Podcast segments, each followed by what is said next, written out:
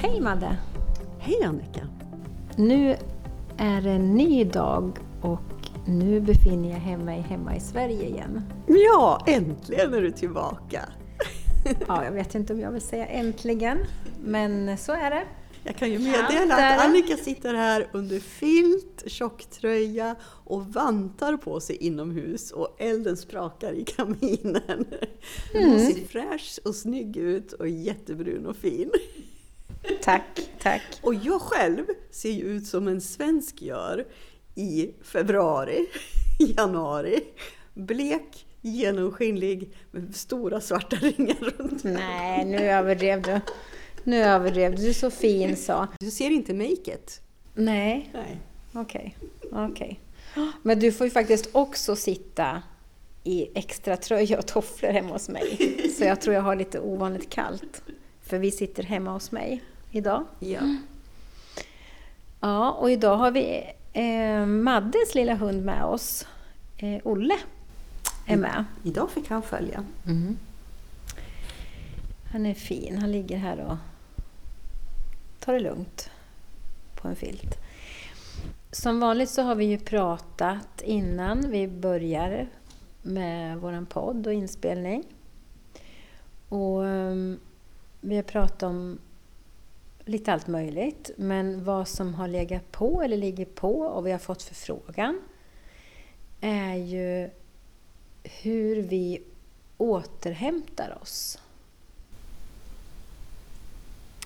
Och vad betyder då återhämtning? Vad står det för? För mig direkt så alltså, kopplar ju det här ordet återhämtning. Att jag hämtar hem mig själv igen. Att medvetenheten om mig själv inte har varit aktuell. Att jag kanske har jobbat på eller livet har eh, bjudit mig på eh, svängar till höger och vänster, upp och ner och hit och dit och det har tuffat på. Men jag har inte checkat in med mig själv. Mm. Så att jag känner att jag är tillsammans med mig. Och har man kanske levt ett liv under ganska stark press och stress under en period ehm, så är det inte helt lätt att fokusera på att checka in med sig själv. Och har man sen också uppe på det gått igenom ett trauma till exempel med, med stor sorg, mycket starka känslor eh, som har pågått i mig så är jag kanske inte samma människa idag som jag var innan livet bjöd på de här utmaningarna. Så att återhämta mig själv eller rikta fokuset på att uppleva mig själv kan vara en ny upplevelse nu jämfört med innan den här situationen. Mm, så kan det vara. Eller hur ser du på återhämtning? Nej, men jag håller, nog med, jag håller med dig i förklaringen när vi, när vi delar upp ordet, när vi stannar upp vid återhämtning. Så vad står den för? Det, är ganska, det var fint och bra förklarat eh, att man tar hem sig själv i sin egen energi igen, för den har varit iväg. Jag har ju haft problem med det här eh, tidigare, då jag har gått in i väggen, och det kan man väl säga ganska rejält, två gånger. Och efter första, när jag återhämtade mig, så trodde jag ju någonstans där och då att jag var klar. Ehm, nu fattar jag ju liksom vad jag behövde och hur jag behövde ta hand om mig själv och så här. Men chi fick jag, eh, var väl för snabb ut igen och fick återigen då känna på att på livet om man säger. Eh, Eh, så efter den omgången, andra omgången, då har jag förändrat jättemycket hos mig själv och mitt sätt att tänka och se på mig själv i relation till livet. Och det kan vara i relation till arbete, familj, kompisar, vänner, ja, sånt. För där i tror jag det ligger mycket också. Så jag vet första gången när jag gick in i väggen och där det blev så påtagligt att jag var tvungen att rehabilitera mig själv och, och så. Och vad, vad, gör jag ens? Hur ska jag ens komma dit?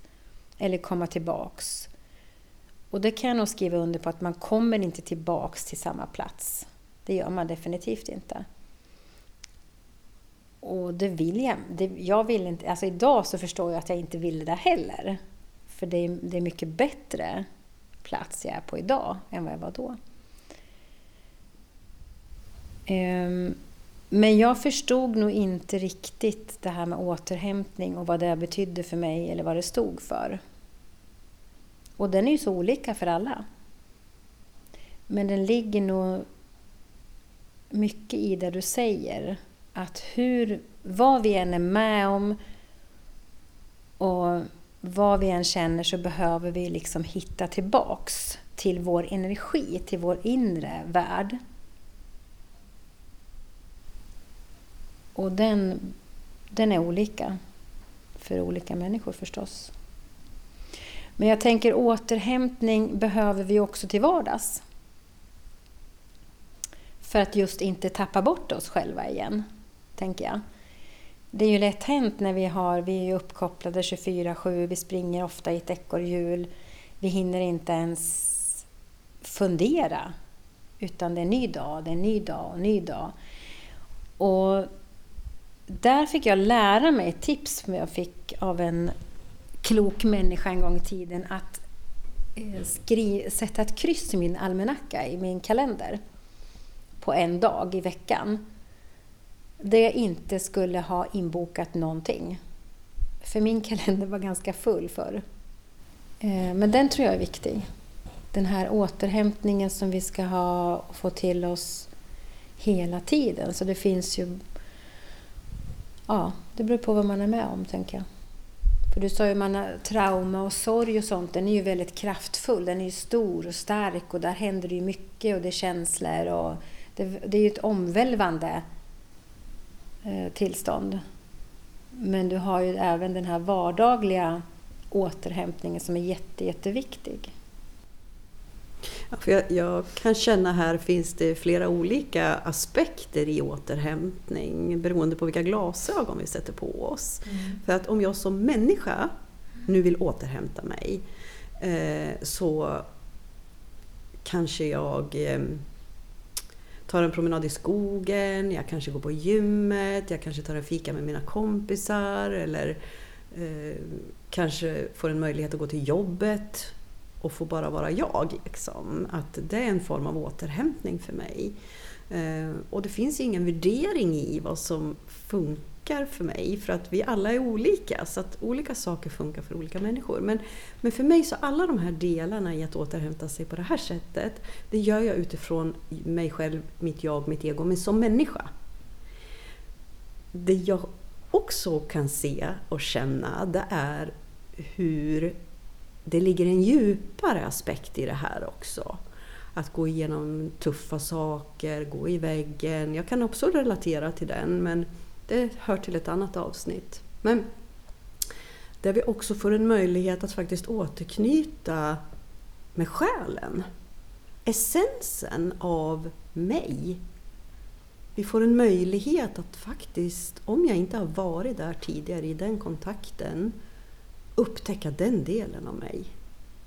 Och börja utforska den och börja eh, låta den ta plats. Och, jag vet inte, det, det, det, känns som att här har vi en stor möjlighet att öppna en dörr som jag kanske har haft på glänt bara. Och inte varit medveten om att jag är så mycket mer än att vara i den här... Nu ska vi se vad Kristina Strang sa igår. Vi hade så fantastisk eh, kväll igår med meditation och samtal kring eh, hennes senaste bok. Mm. Tankar om evig existens. Ja, tankar om evig existens. Mm. Uh, där vi möttes kring samtal uh, om det. Och då sa hon något så fint, inte den mänskliga kostymen utan innan vi föds till den här världen så får vi en eh, overall, eller mm. vad, vad, kallar hon den för? Jord, Jorddräkt. Jorddräkten! Mm. Just det, vi klär på oss jorddräkten mm. som själ när vi kommer hit och det är vår fysiska kropp. Mm. Jag tyckte det var så himla fint när hon beskrev det på det sättet. Att eh, återhämtning faktiskt kan handla om att hämta tillbaka vetskapen om att jag är större och mer än att vara människa. Absolut. Och när man kommer i den... Alltså i det läget då blir det ju väldigt omvälvande för en. Eh, för då tar man säkerligen en ny riktning i livet och kan ju... Det känns ju inte som att man kan gå tillbaks överhuvudtaget då till den väg man var på innan. Nej men det är ju omöjligt för att eh, om när du väl upplever mm. att du är mer än en människa mm. så är det ju en dörr du inte... Du kan ju välja att stänga den men upplevelsen där och då av att inse fakta, att jag är mm. mer än en människa, det blir en sanning för mig. Det är ungefär som att jag kan inte inte lära mig att cykla igen. Har jag en gång lärt mig att cykla så kan jag cykla. Mm. Eller har jag lärt mig att simma så kan jag simma. Har jag lärt mig att gå så kan jag gå. Jag vet hur man gör. Det är en upplevelse som du inte sen kan liksom radera bort. Nej, du kan inte ta tillbaka den och säga nej, men, okej, det var påhittat det här. Så när du väl upplever mm. att du är mer, alltså du upplever att du också har en själ, mm. Eh, så kan du ju inte radera det. Det går ju inte, det är ju nej. en omöjlighet. Men du kan ju välja att stänga dörren Absolut. till att utforska mer. Ja, så kan det vara. Eh, och välja då sen att gå tillbaka att vara enbart människa. Så att ehm, återhämtning, om man tänker, bara det begreppet kan ju egentligen betyda så många olika saker. Mm. Att hämta åter medvetenheten om dig själv. Ja. Hur viktig tror du att den här dagliga återhämtningen är? Eller daglig, men alltså... Jo. Jo, jag skulle nog vilja säga dagliga. Jag förstår inte egentligen varför vi inte lär våra barn från de är små eh, att återhämtningen är en naturlig del av vårt varande. För att kunna leva ett fullt liv liksom, på något sätt. Att stryka saker, vi ska inte ha aktiviteter varje kväll. Barnen är ju egentligen vad vi gör med våra barn många gånger omedvetet är ju verkligen en, en temperaturmätare på vad vi värderar i det här livet. Mm. Att du är värd, ditt värde baseras på vad du presterar. Mm. Ett barn går på förskolan innan de börjar skolan och mamma och pappa börjar jobba klockan sju. Och sen går du till skolan och där hela dagen, sen går de tillbaka till fritids. Eh, och så får de stanna där till klockan fem när mamma och pappa kommer och hämtar den. Och så ska man åka hem, det ska lagas middag, det ska göras läxor och så ska det vara aktivitet på det. Alltså ett barn har ju prestation så många mer timmar än vad en vuxen människa har. Mm. Alltså jag, när du bara säger allt det här, då får jag lite panik. Jag får lite ångest inom mig och känner bara, men det, det är galet. Jag hade en kollega en gång i mitt förra liv, fast i det här livet, eh, som har två barn och det var aktiviteter konstant och hela tiden. Hon var superstressad. Mm. Och så säger jag så till henne, men varför måste du skjutsa din unge på fotboll igen? Kan han inte bara få vara ledig? Mm. Kan man inte på, hoppa över? Jag liksom vet, hon tittar på mig med så här stora ögon och liksom...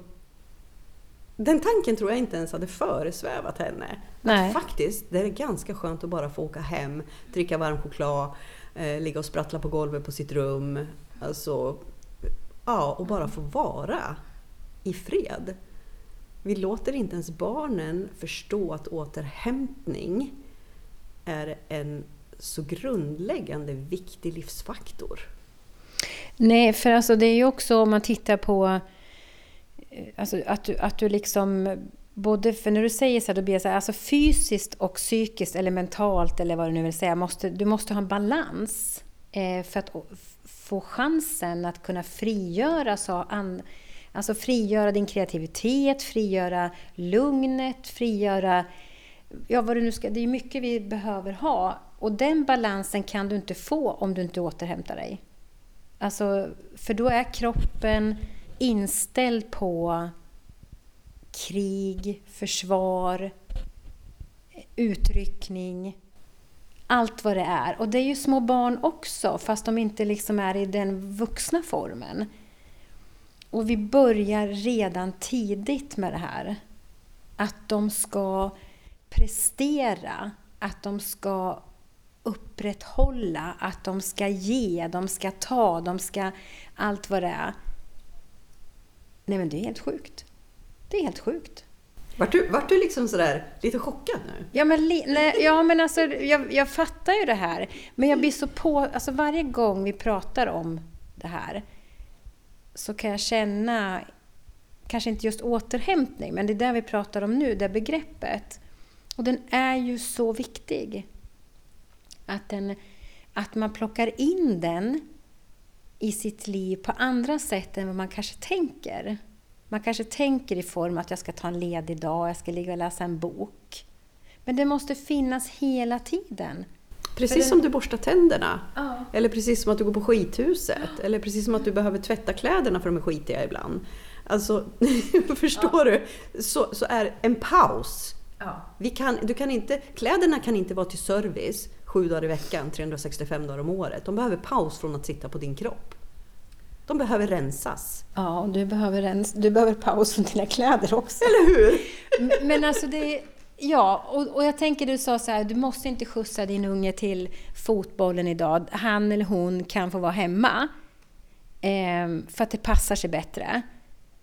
Ja, du måste ju inte heller borsta tänderna just två gånger om dagen, tre gånger om dagen eller vad man nu har för sig.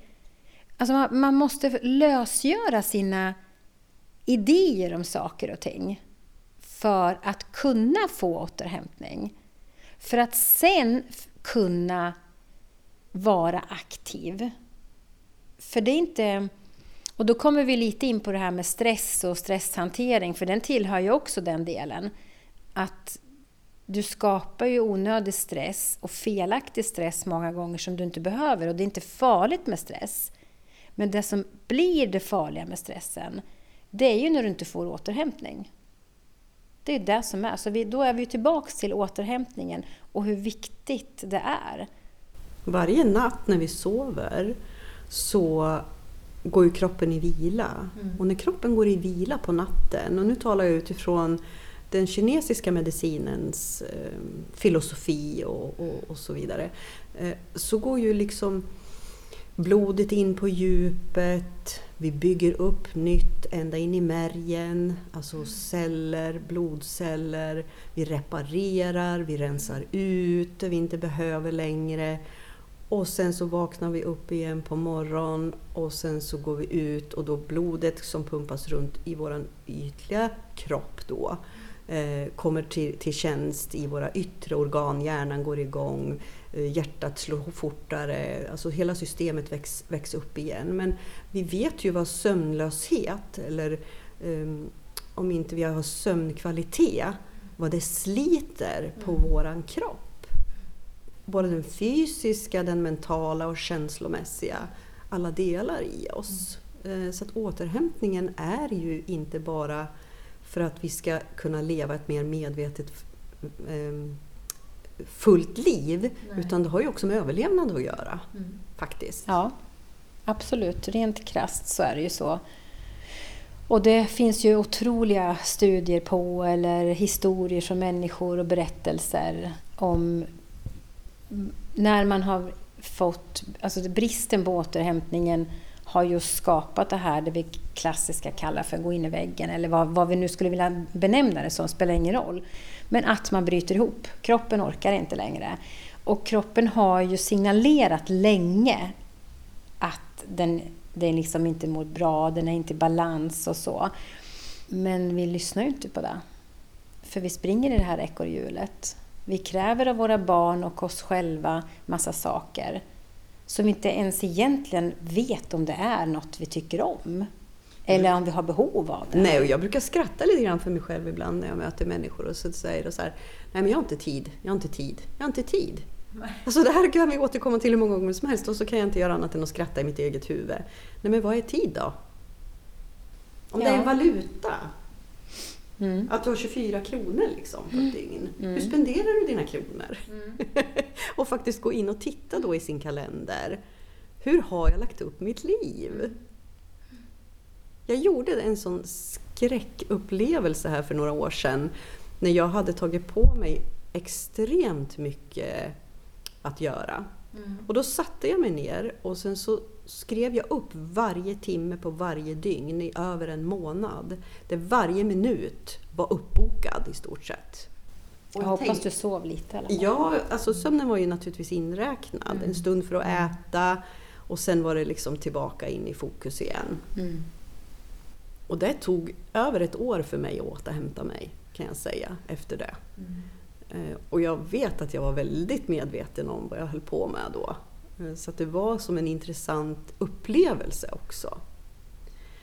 Och vad valde jag att göra då? Tacka nej till allting. Jag tackade nej till utbildningar, jag tackade nej till vissa arbeten, jag tackade nej till saker och ting. Därför det jag kunde känna det var att nu behöver jag integrera allt det här i mig själv. Så att, så att det liksom får sätta sig på plats. För jag vet att det pågår en massa arbete i systemet hos mig. Min kropp, min själ, mitt sinne. Eh, för att saker och ting behöver läggas på plats utan min inblandning. Och det är en återhämtning. Och det är någonting som är osynligt som också pågår i oss när vi ger oss själv möjlighet till en återhämtning. Det är att saker och ting löser sig av sig själv bakom kulisserna. Att vi behöver inte hålla på att lösa livet hela tiden för att vi ska tänka oss fram till smarta lösningar. Utan ibland kan en ren återhämtning vara att saker läggs på plats utan att vi behöver tänka fram lösningen själv. Mm. Det är en fantastisk möjlighet eh, att använda sin kraft på. Att göra ingenting skapar massor. Ja, det är ganska fascinerande. Och det är väl lite där du, vi pratade, eller du sa att när kroppen... Alltså när vi sover så läker kroppen. Eh, den återhämtar sig i vilan. Eh, det gör ju den mentala kroppen och själen också. När vi liksom har återhämtning eh, och vila. Och vi behöver inte aktivt leta efter någonting alla gånger. Fast jag tror, man- alltså jag tror att många tror det. Att vi ska ha, försöka hitta ett svar någonstans. Ja, men för att det är för att vår mentala del i oss hela tiden, alltså hjärnans tankeförmåga, har ju premierats under så Mm. många generationer nu.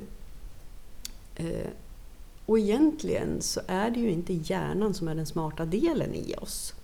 Hjärnan är ju våran tolkning, våran, alltså den ska ju mer vara till tjänst för våra upplevelser på något sätt. Ehm, och jag tänker inte gå djupare in på det nu för det är ett helt avsnitt för sig. Men, men att vi tillskriver hjärnan så otroligt mycket eh, tillgång till våra liv, skulle jag vilja säga. Eh, Att vi tappar Mm. så många andra intelligenser i oss.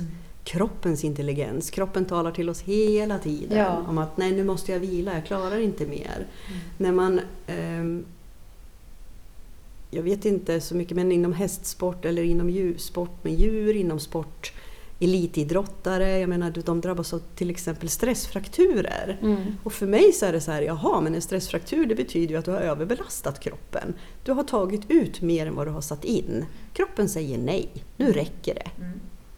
Och så går man in i en akut situation med att läka det här om man gipsar eller jag vet inte vad man gör. Sen ska det där vilas men det ska ändå tränas lite för att underhållas. Bla bla bla. Känner det, jag känner det i hela mig hur det knyter sig. Och sen ska man kräva av kroppen sen att den ska vara tillbaka på banan. Eh, så snabbt som möjligt och gärna öka liksom prestationen för att du ska nå bättre resultat. När kroppen har talat om för dig, men vet du vad, det här, nu räcker det. Och så lyssnar man inte. Alltså för mig så går inte det ihop överhuvudtaget. Att du ens kan kräva det av din kropp. Nej, det gör det inte för mig heller längre. Men jag var ju där själv för många, många år sedan. Så jag förstår när man liksom tappar sig själv totalt och när man har glömt Eller egentligen när man, alltså när kroppen signalerar och man har inte tid att lyssna på det, för det är så man resonerar, eller man, har, man gör det bara inte för man är på gång hela tiden i det här systemet som vi ofta nämner. Men systemet som jag menar det är liksom dina tankar, eh, Eh, din effektivitet, din, eh, ja, alla roller du ska spela i ditt liv och vara och allt det här utan att ens fundera. Och så springer du där. Eh, men kroppen är så jäkla smart. Och den försöker och försöker och försöker tala om. Och så gör den bara så att du får värre och värre symptom. Men jag kan bara säga hur jag förklarar. Jag förklarar med att ja, men jag råkade trampa snett. Det var därför jag fick stukningen. Nej, men det måste vara så. Eh, min rygg, ja, men jag har lyft något tungt. Eh, det, det, löser sig. Jag får liksom, alltså hela tiden hittar jag förklaringar. Tills en dag, då bara pajade den totalt. Då stängde den ner, höll jag på att säga, men då rusade hjärtat, jag hamnade på HIA. Mm. Då liksom, då fattar jag. Då först, när den liksom fick slå till alla sina signaler för att jag skulle förstå. Och det är helt galet. Men det är ofta så det är, för att vi, har, vi lyssnar inte. Så tänker jag också på vår mentala del, alltså vårt mind där, när, när vi driver det för långt. Mm. Och det, hur många människor idag möter inte du? Jag möter massor. Nej, men jag kan inte lugna min hjärna och jag har så mycket tankar hela tiden och det snurrar så mycket där. Och, eh, jag vet inte allt man, hur man uttrycker sig. Mm. Ja, men det är ju för att du har inte låtit den vila. Nej. Utan du hela tiden, den är aktiv hela tiden, alltså det tjattrar där inne konstant och hela tiden. Det blir aldrig tyst någon gång. Hur återhämtar vi den? Ja, och den är ju inte, alltså du kan ju själv som person aktivera den i form av att du har ett späckat schema, du har liksom någonting, du har en plan i ditt huvud, eh, du letar information. Men sen har du ju också att du samtalar med många människor under dagen. Du har ett jobb som kanske kräver eh, din energi och kraft och tänkande och allt vad det nu är. Sen dessutom så har du sociala medier, du har en värld som pågår 24-7 och en uppkoppling. Och så dessutom på det så har du då sen när du kommer hem så har du då hemmet som ska skötas på ett eller annat sätt. Du har barn kanske eller inte, det spelar ingen roll. Det är någonting i alla fall som ska göras. Sen har du TVn dessutom på det, som många sätter sig framför. Och det är klart att som fan, rent ut sagt, att våra hjärnor är så totalt trötta, utkörda, eh, flummiga, allt vad det nu är, för att de är ju överbelastade, så det heter duga. Jag brukar se det som att du kastar in ett garnnystan, ett rött garnnystan som lindar upp sig. Mm. Du vet så att det är bara ett stort trassel där inne. Som en atombomb? Ja, lite grann. Så, om du ritar den ja, så blir det lite så. så. Okej, okay, nu måste vi börja rulla upp det här nystanet. Liksom. Och hur liksom. fan gör vi då? Mm. Den är jättespännande. mm. Sen kommer vi in på vad händer med vårt känslosystem mm. om vi inte ger oss själva tid för återhämtning. Mm. Oh, den är spännande! Mm. Ja, ja, ja. Men, men det, den, den tror jag nästan vi också får. Vi får toucha här under liksom det vi pratar om. Ja. För det gör vi ju ja. naturligtvis. Men vi ska komma in på det i senare samtal mm. också. Ja. För där, där händer det mycket. Mm. Och då kan vi gå in på det hormonella, vi kan gå in på liksom våra signaler som är jätteviktiga och vi kan gå in på beteenden och allting. Så vi kan ju liksom dra det hur långt som mm. helst. Och sen kommer vi in på själen. Ja. Om vi inte återhämtar oss. Mm. Eh, jag som lever väldigt mycket i känslan och, och ger själen väldigt stort utrymme i mitt liv. Um, när jag är i mugglarvärlden mycket och jag inte är i sam, ger själen samma möjlighet till utrymme i mitt liv så känner jag det, det blir extremt påtagligt för mig. Mm. Därför att det känns inte som att jag lever mitt liv eh, på något sätt. Um, och det är väldigt obehagligt för mig. Eh, och det här är ju väldigt olika för olika människor. Absolut. Eh, Och så kan jag titta liksom så med mina inre ögon på något sätt, så kikar jag in på själen och så, så kan jag se hur han sitter där på en planka högt uppe på en byggställning med benen i kors och bara liksom trumma med fingrarna och vänta på att ja, jag sitter här, jag sitter här. Tills du behagar att komma tillbaka. Det är lite gulligt. Ja, jättegulligt. Det finns ingen liksom Ingenting som ger mig dåligt samvete överhuvudtaget. Ingenting, inget som dömer mig eller så. Utan jag ser bara sitter där med benen i kors och liksom bara trummar lite grann och väntar på att jag ska komma tillbaka. Mm. Men det jag är ute efter det är att alla de här delarna samspelar med varandra i oss. Mm. Vi är inte separata våra tankar, vi är inte separata i våra känslor, vi är inte separata i vår fysiska kropp och vi är inte separata från själen. Utan alla de här delarna i oss samspelar hela tiden. Mm. Och de samspelar i mig och de samspelar utanför mig. Mm. I det jag upplever och det jag visar upp utåt. Eh, så att vi är ett större system än att bara, bara vara människa. Ja, och det kan, man, det kan man lära sig att testa, de här delarna. Att vi faktiskt är i ett eh, i olika former. Det kan vi ju gå in på sen. Men det finns verktyg att använda sig av och träna sig för att se eh, de här olika delarna igen. Och vi, vi kommer ju också att bjuda in Ann-Charlotte Lövdahl och Eva Mandelqvist som har skrivit en bok som är släppt här i dagarna. Mm. Eh, Hela dig, att mm. leva multidimensionellt. Den, den blir spännande. Eh, och det kommer bli jättespännande. Mm. Eh, och är ni nyfikna på den så kan ni redan nu eh, kika på Facebook där de har lagt upp lite evenemang. De kommer ut och presenterar boken genom workshops där man får uppleva sig själv som en multidimensionell varelse. Fantastiskt häftigt. På, var någonstans? På Facebook då? Eh, eller Instagram? Eller vad det på. Facebook eh, så ligger de evenemangen Beröringskällan, tror jag. Beröringskällan. Eller Ann-Charlotte Lövdahl. Ja. Och jag vet att det finns en i Bålänge, en i Smedjebacken, en i Eskilstuna som är bokad mm. eh, i dagarna. Mm. Mm. För att återhämta sig eh, går vi tillbaka till det nu mm. och sen så går tillbaka i att vara människa och behöva återhämta mig. Mm. Så skulle jag önska för alla människor att man skriver in det på schemat, gör det till en naturlig del i mitt liv. Mm. Precis som att jag borstar tänderna. Mm. Att ta några medvetna andetag, känna in i sig själv, var är jag någonstans med mig? Och sen går jag tillbaka ut i livet igen. Att göra det några gånger på en dag. Mm. Det är ingenting som kostar varken tid eller engagemang. Att kanske inte sätta på TVn. Att kanske faktiskt titta i sin almanacka. Vad är det jag prioriterar i mitt liv? Mm. Och vad är det jag själv har valt som viktigt att prioritera? Och vad är det som jag prioriterar för att andra förväntar sig det av mig? Ja, den är ju intressant.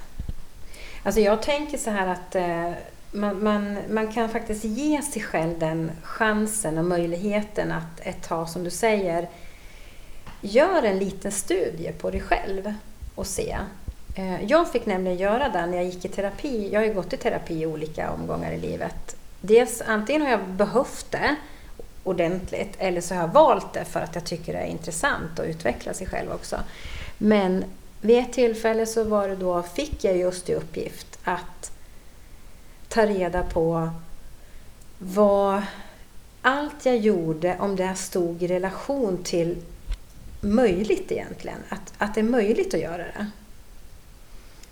För jag hade någonstans i mitt liv där skapat utifrån ja, roller eller liksom vad andra just säger eller förväntas eller jag själv trodde att de förväntar sig av mig eller vad jag nu hittar på.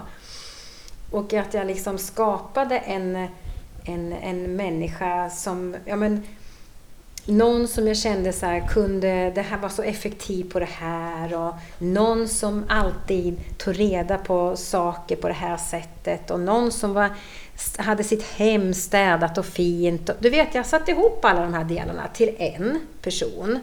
Och det var jag. Det var så jag skulle vara. Ja, jag vet. Det är helt sjukt. Det är helt galet.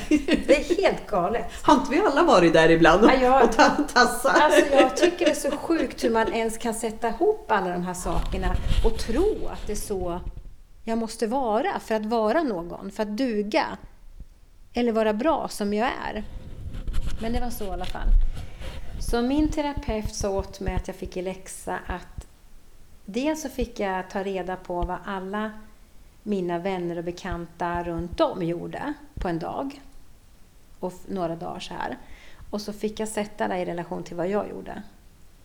Och när jag såg det på papper, då insåg jag ju varför jag hade gått in i väggen. För det är inte en människa, det finns inte en människa på jorden som, kan hitta, alltså, som skulle kunna göra allt det här. Eller, och, och, och hann jag inte det rent fysiskt så fanns det ju med mig i tanken. Det låg som en Krav. omedveten stress där. Ja, en omedveten stress och ett krav. Det, fan, det, det är klart du måste göra det här. Du måste ju ha det på det här sättet. Det måste vara dammsuget, det måste vara nydiskat, det måste vara nystrikna kläder och gud vet allt. Nej, den delen glömmer vi. Ja. För att, ja, jag, tycker, jag tycker inte om att stryka, jag tycker inte om allt det där. Men, men, Jag stryker aldrig, jag köper aldrig sådana kläder. Nej. Men, nej, men du förstår hur man plockar på sig själv massa krav och lägger. Mm. Så jag tänker det att det finns... Jag tycker man ska ge sig själv en chans att titta. Alltså schemalägga, eller titta, eller inte schemalägga, utan titta på det. Vad är, hur gör jag under en dag? Vad är det jag ägnar min tid åt? Um, och där du sa förut att du tycker det är intressant när folk säger att jag har inte tid, jag har inte tid. Nej, men vi har ju alla, klockmässigt så har vi ju alla lika mycket tid på ett dygn. Det är ju bara det att jag tror väldigt många sätter sig, alltså de är omedvetna om hur många timmar de sitter framför TVn till exempel. Eller med sina telefoner. Om de plockar bort den tiden, förstå vad mycket tid. Och det har man gjort studier på också, så det finns ju bara att läsa. Men att man själv tar sig den stunden och börjar kolla, så tror jag man blir chockad. Över hur mycket man, tid. hur mycket tid man slösar bort till andra än sig själv. Och för att om du får tid till dig själv, om du får möjligheten till återhämtning i dig själv, att få chansen att stå i dig själv och din kraft, förstår vad du kan göra med dig själv och din familj och vad du kan ge och vad du kan leverera. Jag känner direkt här att jag behöver gå in lite grann i det här när du säger att eh, för att titta på TV och att scrolla på telefonen eh, är ett sätt att stressa sig själv. Och jag ska förklara här vad jag menar med det. Därför att om du riktar fokus inåt på ditt andetag och känner efter hur känns kroppen, går varje kroppsdel, hur känns jag, vad har det för känslor som bubblar upp i mig under de här få andetagen, mitt fokus. Du behåller fokuset i dig själv, du värderar inte, du dömer inte, du bara upplever. Det är ingen stress i det, utan det är bara ett upptäckande. Och det är en form av återhämtning i utforskandet. Men lägger du fokuset för att du lägger dig på soffan och säger nej men jag förtjänar nu att få en timme framför TVn eller en timme eller en kvart eller 20 minuter framför telefonen. Det som händer då det är att din energi, ditt fokus går riktar sig utåt. Och sen börjar du värdera det du ser på TVn. Du börjar värdera det som dyker upp när du scrollar i telefonen. Och det startar igång en process i där- dig. Mentalt och känslomässigt så kräver det en uppmärksamhet av dig. Eh, och det är inte återhämtning. Så egentligen att säga att jag förtjänar att ta den här stunden för mig själv för att scrolla på telefon eller titta på TV. Eh, det är ungefär som att säga till sig själv eh, att eh, nu har jag städat, jag har jobbat hela dagen, nu förtjänar jag den här ciggen. Alltså jag gör någonting mot mig själv som hälsomässigt, jag vet, inte gagnar mig. Men jag belönar mig själv med det. Ehm, och den är faktiskt himla spännande. Hur vi belönar då oss själva på ett sätt som egentligen inte är närande för oss. Absolut. Det är inte återhämtning. Nej, det är det inte. Nu vill jag bara tillägga återigen att jag dömer ingen, jag värderar inget. För jag själv kan ligga på, se, på, på soffan framför TVn och trycka ostbågar och tycka synd om mig själv och tro Ja, att jag ja. återhämtar mig. Ja, ja. ja men alltså det, det, det ja, precis. Eller scrolla på telefonen tills jag känner att nej men nej nu får jag bara sluta med det här för jag känner ju hur jag får puls. Eh, och att jag blir alltså, så lätt påverkad så att jag måste liksom lägga Men det, är av. väl, men det är väl liksom att bli medveten Mm, mera. mm. Alltså det är ju inte frågan om att vi... Alltså vi kommer ju inte kanske komma i det här livet eh, till ett tillstånd där vi är helt neutrala, bortkopplade från omvärlden och bara är i oss själva. Det är ju inte det vi pratar om. Men vi har ju gjort våra resor också, du och jag. Vi vet att man kan må så jäkla mycket bättre när man är i sig själv och vågar vara där i sig själv. Men för att komma dit så är det ju tvunget att göra lite jobb. Faktiskt. Det är inte så att det bara dimper ner i brevlådan. Nej, därför att hjärnan är ju van att vara på högvarv hela tiden. Mm. Det är någonting som människor säger till mig som, som eh, eftersom jag jobbar med meditationer bland annat, som säger nej det är inget för mig och nej, jag kan inte klara av att sitta still och jag kan inte göra det. Nej, men det är väl klart som fan du inte kan, därför att du inte är van. Det är inte ett naturligt tillstånd för dig. Eh, Men ju mer vi gör det, desto lättare blir det. Eh, Och till slut en dag så behöver man inte komma till mig och meditera för att man kan själv. Och det är någonting vackert i det tycker jag. Jag blir överlycklig när människor liksom har lagt in det som en rutin med sig själv. För då har du i en trygg grupp liksom samlats och du har kunnat tappa det och du har kunnat liksom kommit till insikter och, och, och så vidare med dig själv. Så att du törs vara med dig själv sj- när du är själv. Och att du också hittar dit för att du kan fokusera och släppa vardagen för att kliva in i en meditation. Och jag säger inte att meditationen är enda vägen till återhämtning, men det är en väg. Ja. Och innan man hamnar där så kanske du måste ha en fysisk återhämtning. Att du fysiskt rör dig för att återhämta dig. Eh, där du verkligen tar i. Jag älskar till exempel när det är dags på året att jobba med ved.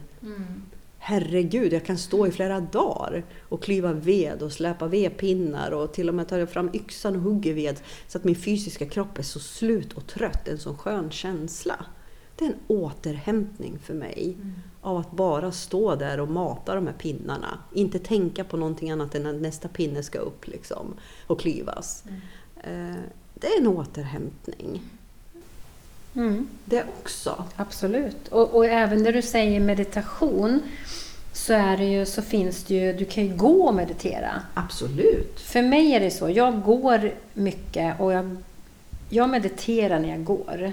Och jag vet att många säger att jag måste ha eh, stillhet och så. Men, men, men jag menar, och det är ju så, vi, vi har ju olika sätt naturligtvis att meditera på också. Men det går att gå också så man inte tror att man bara måste sitta. Nej, nej, nej. Det är meditation att klyva ved. Mm. Eh, också. Mm. Det är meditation att gå på gymmet och lyfta vikter. Eh, också. Ja, för det är ju meditation för mig, det är ju liksom någonstans när du är i ett med dig själv. Det är ett Och förändrat medvetandetillstånd. Ja. Och hur du tar dig från ditt aktiva betatillstånd Mm. eh, till ett alfatillstånd till exempel. Eh, hur du tar dig dit. Det, det är olika vägar för Mm. oss. Eh, och det finns inget som är rätt eller fel, det är bara olika. Mm. Men där sker det en form av återhämtning. Mm. Ja, ja. Gör det. Ja, och jag kan ju säga som när jag står på och tränar eller tävlar, det spelar ingen roll. Tävlingen kanske är lite mer press. Men Vad tävlar du i? eh, om jag tävlar vallning, vallning, inom vallningen. Nu var det ju ett tag sedan, men, men jag har ju gjort det i alla fall. Sen kom covid emellan. Eh, men eh, då, har jag, ju- då, då är man ju så i ett med sig själv och, och kraft och energi och natur och hund och djur. Får då i det här fallet. Eh, så det blir... eh, Man kan inte koppla in någonting annat. Utan om, det måste bara...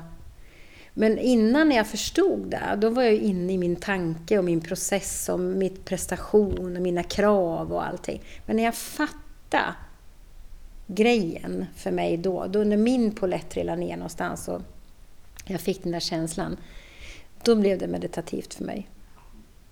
Och det, och det är en fantastisk tillgång alltså till återhämtning. Mm.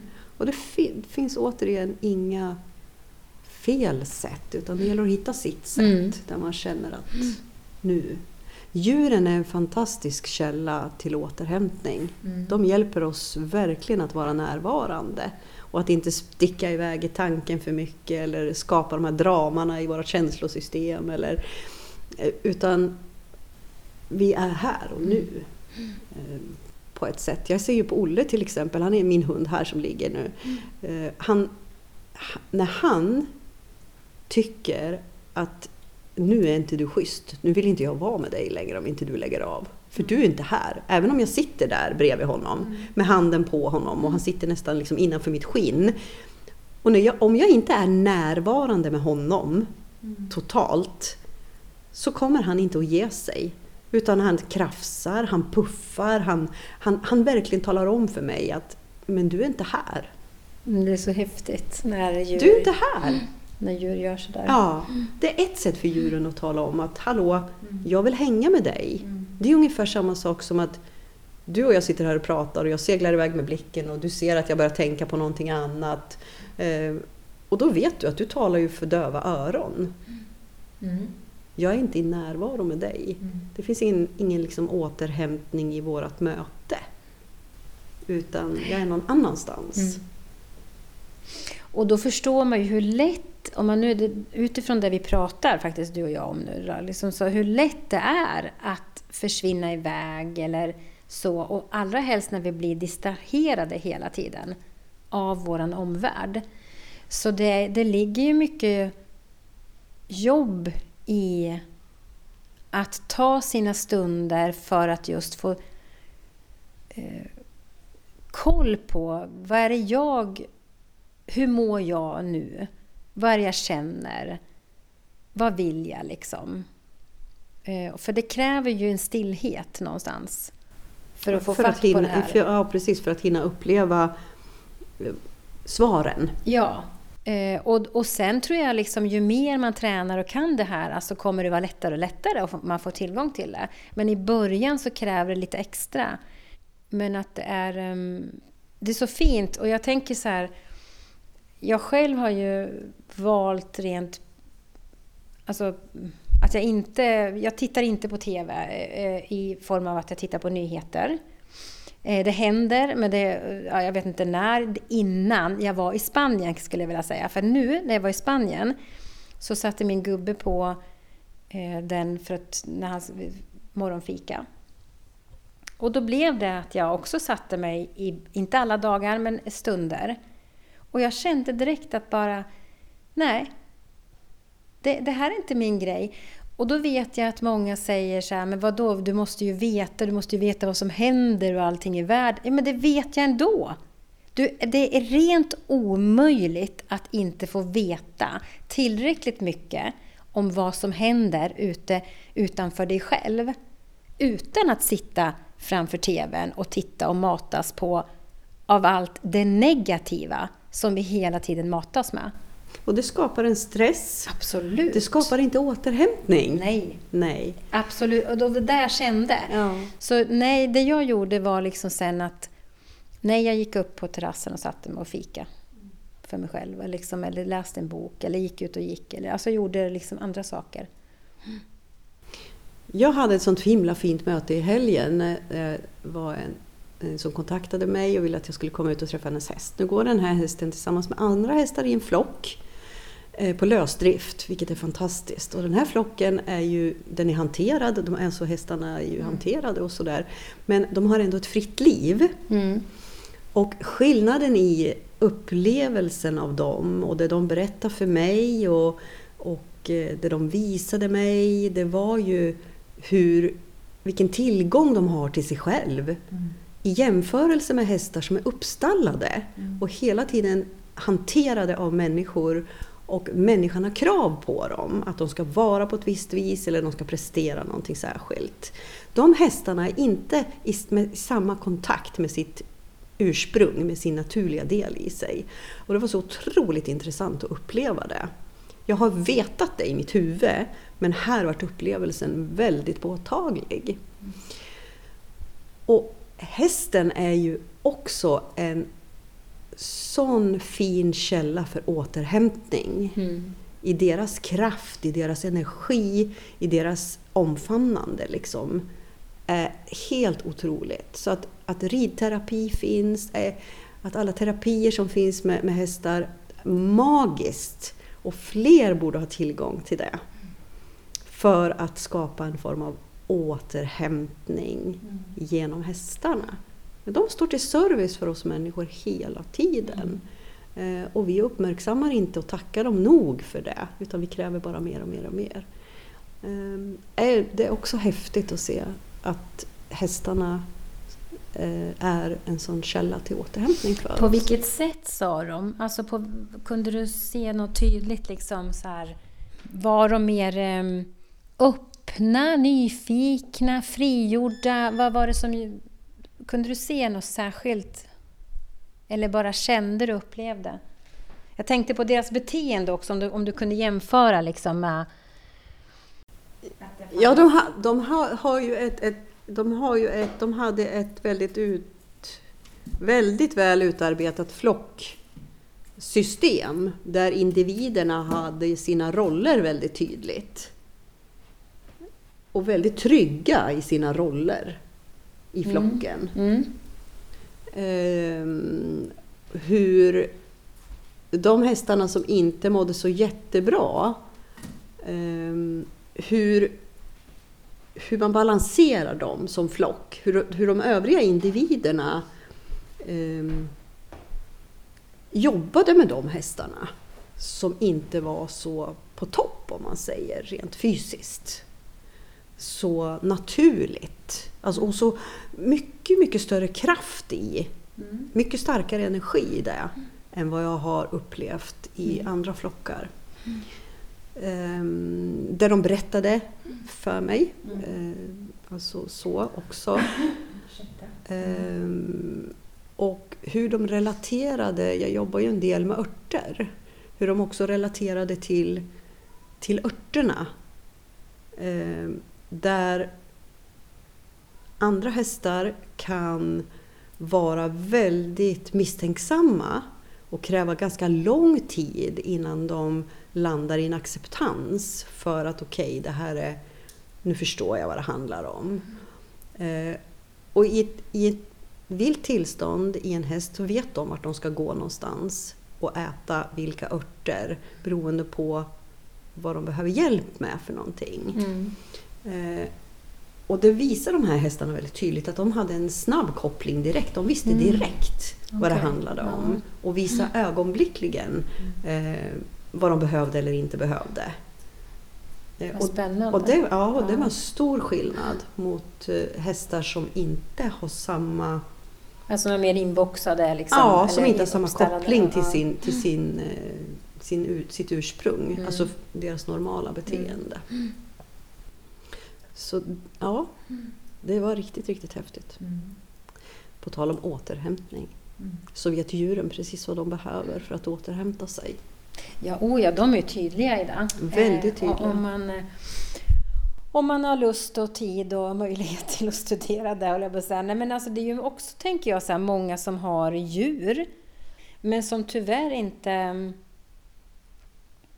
alla gånger frigör sig så pass att man kan liksom, förstå mig rätt nu, umgås på djupet eller läsa och se och tolka och få möjlighet av deras eh, Och höra vad de ja, hö- har att berätta. Ja, vad- deras liv liksom. Jag tänkte på det du sa om någon, när Olle då sitter och puffar på dig liksom och så här, så vet man ju liksom, man har ju varit med om det själv när folk har haft sådana intensivare hundar då. Eh, Att de, och då tolkar de det som stress eller de tolkar det som någonting som ligger hos hunden. Och visst, så kan det ju vara också, men att du faktiskt kan titta på att det kanske är hos dig själv också.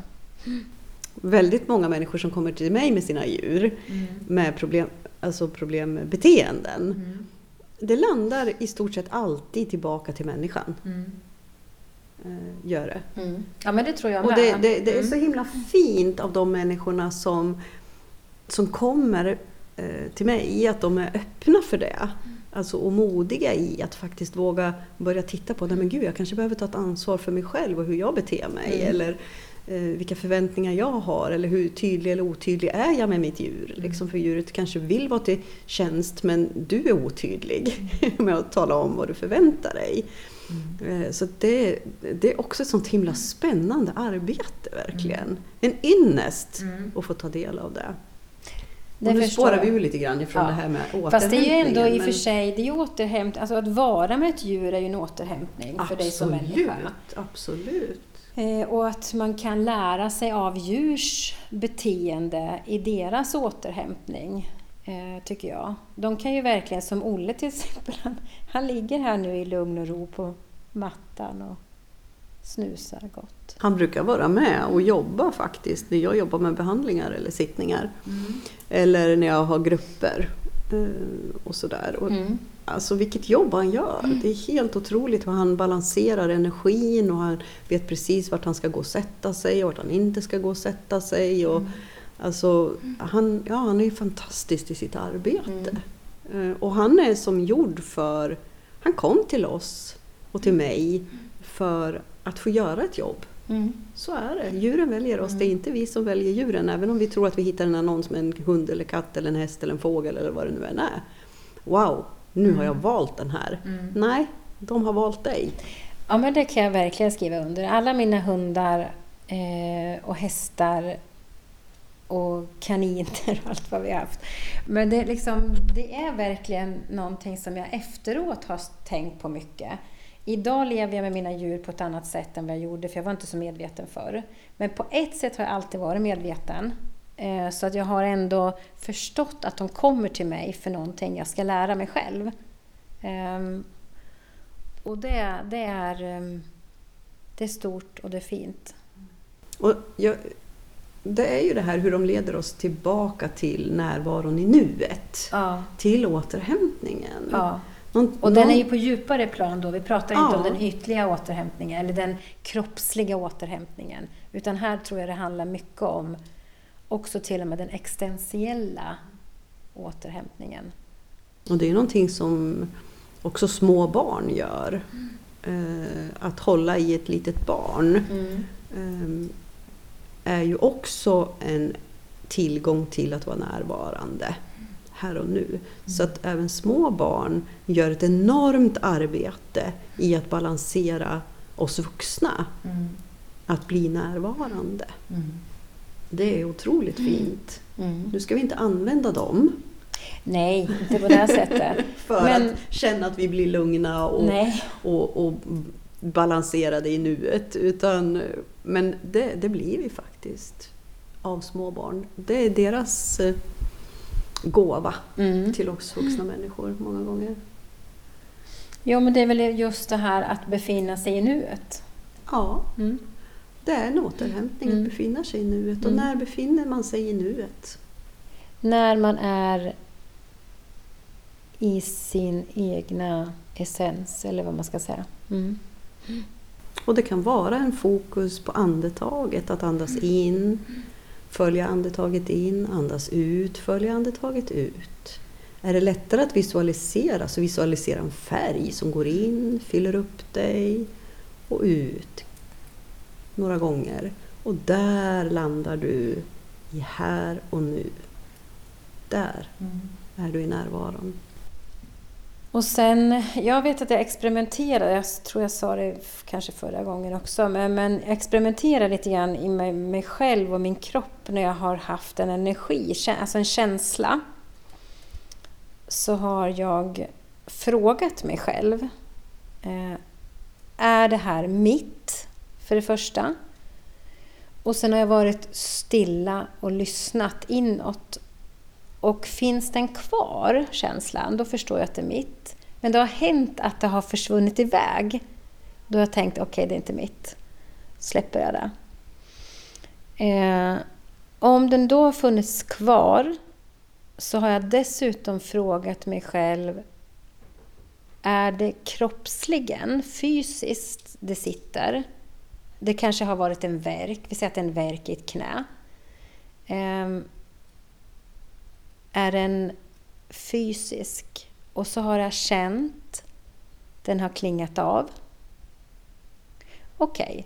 då har jag gått till min känslokropp. Är den, är den sitter i min mentala del, i min känslokropp?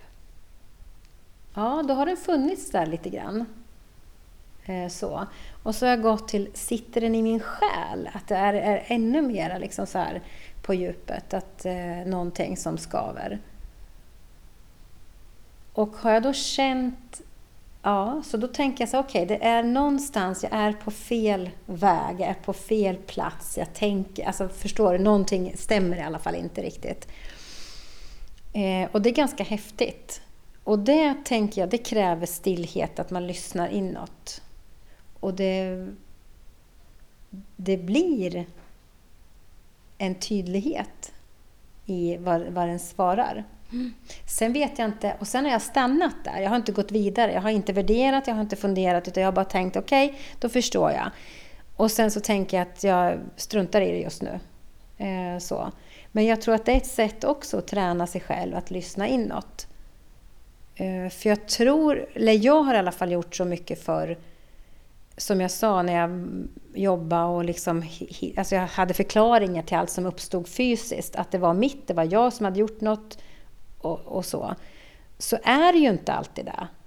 För det kan ju vara så att jag har något gammalt mönster med mig, jag har något, varit med om någonting jag inte har bearbetat, jag har arbetskamrater, en, arbets, alltså en roll i mitt arbete som kräver mycket av mig som jag inte funderar ens på utan jag kör bara. Och då till slut landar det i min fysiska kropp. För den säger att stopp, stopp, stopp, stopp. Men eh, det är inte där det sitter. Det är inte där problemet sitter egentligen i grunden.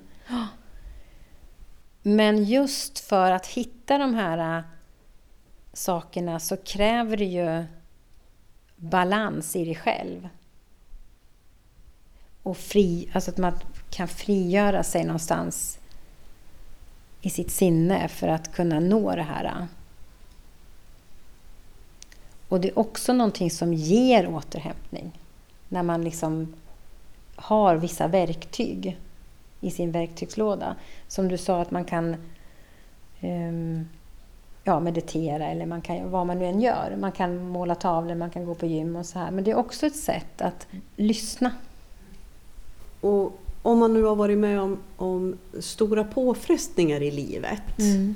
eh, så är ju det väldigt, väldigt kopplat till en extrem stress eh, som är ackumulerad eh, rent kemiskt mm. med alla stresshormoner. Mm. Som, och då kan det vara så att när man börjar komma in i lugnare fas och får distans till en upplevelse, en händelse i livet, att man också behöver frigöra, man behöver liksom låta de här stresshormonerna som har lagrats få komma ut mm. så att de inte stannar i kroppen. Eh, och det kan ju vara att svettas, att, att träna, att att göra sig av med, att andas ordentligt ut. Alltså det är också ett sätt att rensa ut, att vi andas ut. Mm. Um, och att bara ställa sig rätt upp och ner på golvet och börja skaka på kroppen. Alltså att bara ruska kroppen. Skaka på armarna, skaka på benen, eh, skaka på hela axlarna, hela, hela dig. Det är också ett sätt att frigöra eh, stagnationer, alltså så att du får ett flöde i den fysiska kroppen. Och så frigör man och rensar ut alla sådana här upplagrade stresshormoner. Eh, och i och med det så kommer också oftast sorgen efteråt. Mm. För att det blir frigörelse, en sorg är också en form av utrensning, ett läkande. När tårarna kommer och man liksom fulgråter och allt det här. Mm. Skriker gärna, mm. alltså mm. använder rösten. Allting som är utåt. Att få göra sig av med all den här lagrade eh, traumat som sitter fast i kroppen på något sätt. Um, ja, det är stagnation ja, av massor med olika... Ja, att, att mm, hjälpa sig mm. själv ur, ur det. Mm. Och sen gå tillbaka liksom till återhämtningen. Eh, och sen kommer vi in, det vi pratade om förra veckan, till acceptansen. Mm. Det är processen dit liksom. Mm. Så ser jag på det. Ja, eh, och det är ju liksom... Ja, det här är ju någonting som vi egentligen... Vi, allt vi pratar om egentligen går ju i och ur varandra. Hela tiden. Hela tiden. Ja. Vi är inte en enda... Alltså, hela vi är inga, det finns inga separata delar. Nej. Allt hör ihop. Ja. Och man ska ju komma ihåg att det, det liksom är ju... Första delen, det fysiska, liksom påverkas ju utav minsta lilla stress.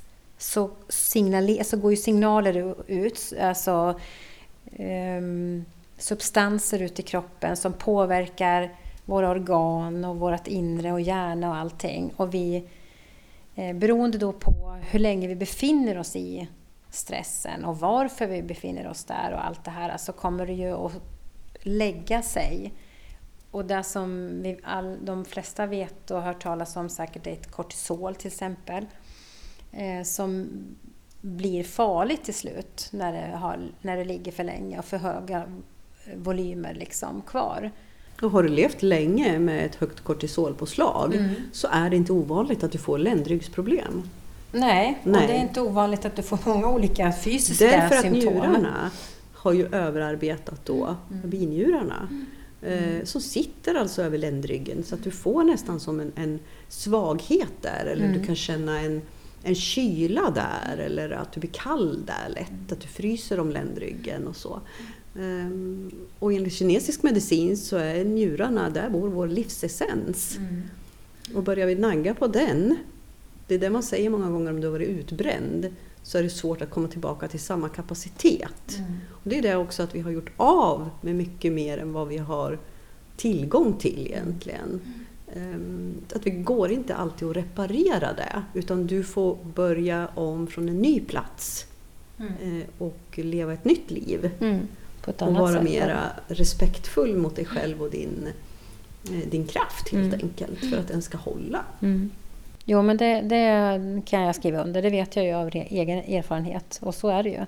Och det är ju inom även läkarkonst. Alltså vi, vi vet ju att njurarna är ju av stort värde. Det är ju en, det är ett organ som är jätte, jätteviktigt, livsviktigt. För Det här är så himla spännande Annika, det här måste vi resonera om någon gång. Du från skolmedicinen Ja. och jag utifrån den kinesiska medicinen. Och hur vi kan Och hur vi se... kan mötas Ja, eh, och hur ja. vi kan se lika. Ja, absolut. För det, Det gör var vi spännande. Ja, absolut, absolut. Mm. Det var spännande. Mm. Den tar vi med oss till ett annat avsnitt. Ja, det gör vi. Ja. Eh, men återhämtning, ja det är ett stort kapitel. Eh, och det går i och ur allt vi pratar om egentligen. Men det är jätte, jätte, jätteviktigt. Verkligen. Så um, till alla där ute, försök att hitta ett sätt och skapa en verktygslåda som är bra för er. Eh, Och vill ni så um, finns ju Madde på sina eh, Instagram och Facebook och så. Ja. Eh, Men i alla fall så tror jag vi ska sluta Mm. för Vi dagen. känner oss det färdiga känns, här. Det känns så. Mm. Nu har vi pratat lite om det vi, som låg på i alla fall. Ja. Så på återseende och ha fortsättningsvis fin dag. Hörs vi en annan dag. Mm, det gör vi. Tjing på er! Puss och kram!